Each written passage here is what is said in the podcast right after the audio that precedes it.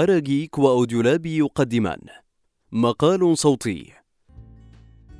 الكثير من التفاصيل الحياتية اليومية قد تشكل حالة من التوتر والضغط النفسي على الفرد وخاصة في هذا المعترك الذي نعيشه حاليا حيث تغزو أرواحنا مشاهد العنف والدمار في كل مكان. إلا أن الأمر قد وصل بنا للشعور بحالة تشبه في وصفها إلى حد ما الجنون الذي يمارس بشتى الوسائل والأساليب.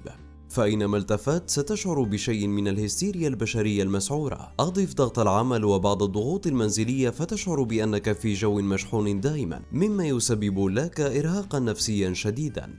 ولكي تستطيع الاستمرار والبقاء عليك أن تبذل مجهودا مضاعفا في إيجاد الحلول التي تساعدك على الخروج من الأزمات النفسية التي قد تصيبك بين الحين والآخر جراء ما قد تتعرض له على الصعيد الشخصي أو حتى الصعيد العام. وخاصة عندما ندرك بأن أي إنسان كبيرا كان أو صغير لا يحتاج سوى لأن يشعر بالأمان كجزء طبيعي من التكوين النفسي للإنسان. فالدماغ في حالة الخوف أو فقدان الشعور بالأمان وعندما يزداد هرمون الأدرينالين كرد فعل طبيعي على حالة الخوف يقوم الدماغ بالتالي بإصدار أوامره إما للدفاع عن النفس أو الهروب من مواجهة الحدث إلى منطقة يشعر بها بثقة أكبر في كل ما حوله. بالتالي يستطيع الإنسان أن يبني منظومته النفسية الخاصة والتي تتكيف مع المحيط وتأثيراته سواء الإيجابية أو السلبية. الأمر ليس بهذه السوداوية طبعا ولا هو وصفة نفسية للتخلص من الضغوط لكن هي عبارة عن محاولة لتجاوز الآثار السلبية التي تتركها تفاصيل حياتنا على نفسيتنا. دعونا ننفذ هروبا أسميه هروبا تكتيكيا باتجاه عوالم مختلفة من أرواحنا. دعونا نفتش عن أنفسنا في داخلنا. كي نتجاوز مراحل لا نريد أن تبقى في شريط الذكريات لدينا. هي خطوات بسيطة مرتبطة بنظرتنا للأمور إذ لا بد لنا أن ندرك قدرتنا على إضفاء مسحة من الأمل على يومياتنا وممارساتنا. أي أن تكون نظرة يشوبها شيء من الطفولة الجميلة. قد يبدو الأمر غريبا لكن هذه الخطوات الصغيرة القادمة تشرح كيف يكون الأمر. مشاهدة الأفلام. لا أقصد بها مشاهدة الأفلام السينمائية التي تخص الكبار أبدا والتي تعرض مختلف القصص والروايات المرتبطة بالحرب والسلم والحب أو تلك التي تتحدث عن الذكاء الاصطناعي وغيرها من الأفكار التي لها من وقتك حصة. ولكن أقصد أن تشاهد بعض الأفلام التي تخص الأطفال أي تلك التي تعرف باسم أفلام الكرتون. ما سوف يحرض في داخلك ذلك الطفل الصغير الكامن فيك حيث يطغى عليك شعور من المتعة بدون التفكير بأشياء تلقي ثقلها على حياتك. لا بأس بأن تشاهد توم وجيري مثلا وأنت تبتسم وتغرق في المتعة الطفولية التي تشعرك بصفاء ذهني يساعدك على الانطلاق مجددا.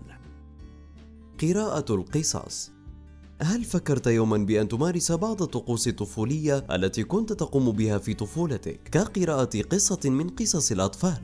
الفكرة غريبة بعض الشيء وخاصة بعدما قرأت قصصا وروايات مليئة بأحداث كثيرة ولكتاب كثر مثل جورج أورويل نجيب محفوظ وحنمينة وغيرهم ولكن هل جربت المتعة مجددا بقراءة قصة طفولية بسيطة؟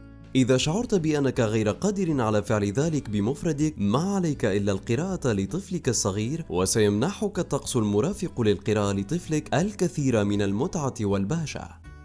الاستماع للموسيقى والأغاني. وهنا أيضا لا أدعوك للاستماع إلى الموسيقى الكلاسيكية أو الطربية التي أعتدت الاستماع لها على العكس تماما. بل لابد أن تقوم بسماع أغنية خاصة بالأطفال ولا ضير في اختيار إحدى الأغنيات التي كنت تحبها في طفولتك. شخصيا ما زلت أهوى أغاني الأطفال وأستمتع بها لأنها تبعدني عن الصخب والضجيج. حقيقة تمنحك الطفولة شعورا بالراحة والنقاء. اللعب والمرح. معظمنا يحتفظ في ذاكرته ببعض الألعاب التي كان يمارسها في مرحلة الطفولة هو وبعض أصدقاء تلك المرحلة سواء في المدرسة أو الحي لكن هل يمكن القيام بذلك الآن؟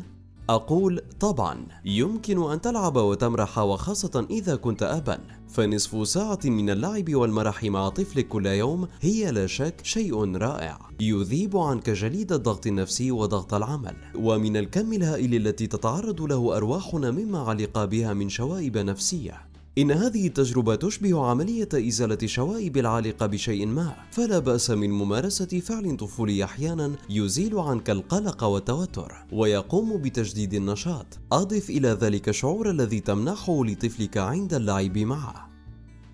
الإجازة العائلية وفيها تسترجع ذكريات الطفولة عندما كنت تخرج مع العائلة في إجازة وتمضي معهم أوقاتا طيبة قد تكون الإجازة العائلية التي ستقوم بها خيارا جيد تجمع فيها الخطوات سابقة الذكر من مشاهدة الأفلام إلى القراءة واللعب والمرح. أضف إلى ذلك إمكانية قيامك بممارسة بعض الهوايات كالسباحة أو التمتع بطبيعة المكان أو إمضاء بعض الوقت في تحضير الطعام مع العائلة. هي خطوات بسيطة تخرجك من حالة التوتر. صحيح أن هذه الأمور قد تبدو للوهلة الأولى غريبة للبعض، ولكن ستشعر بعد ممارستها لوقت قصير بالنشاط والحيوية، وبأنك أكثر قدرة على الإنتاج والعمل. فالهدف الأساسي منها هو كسر حاجز الروتين وتجاوز مرحلة الضغط النفسي لا أكثر. فالعملية لا تتطلب منا سوى أن نبحث من وقت لآخر عن الطفل الكامن فينا. لنعيد صياغة أرواحنا وبالتالي تهدأ الأفكار التي تتصارع في رؤوسنا.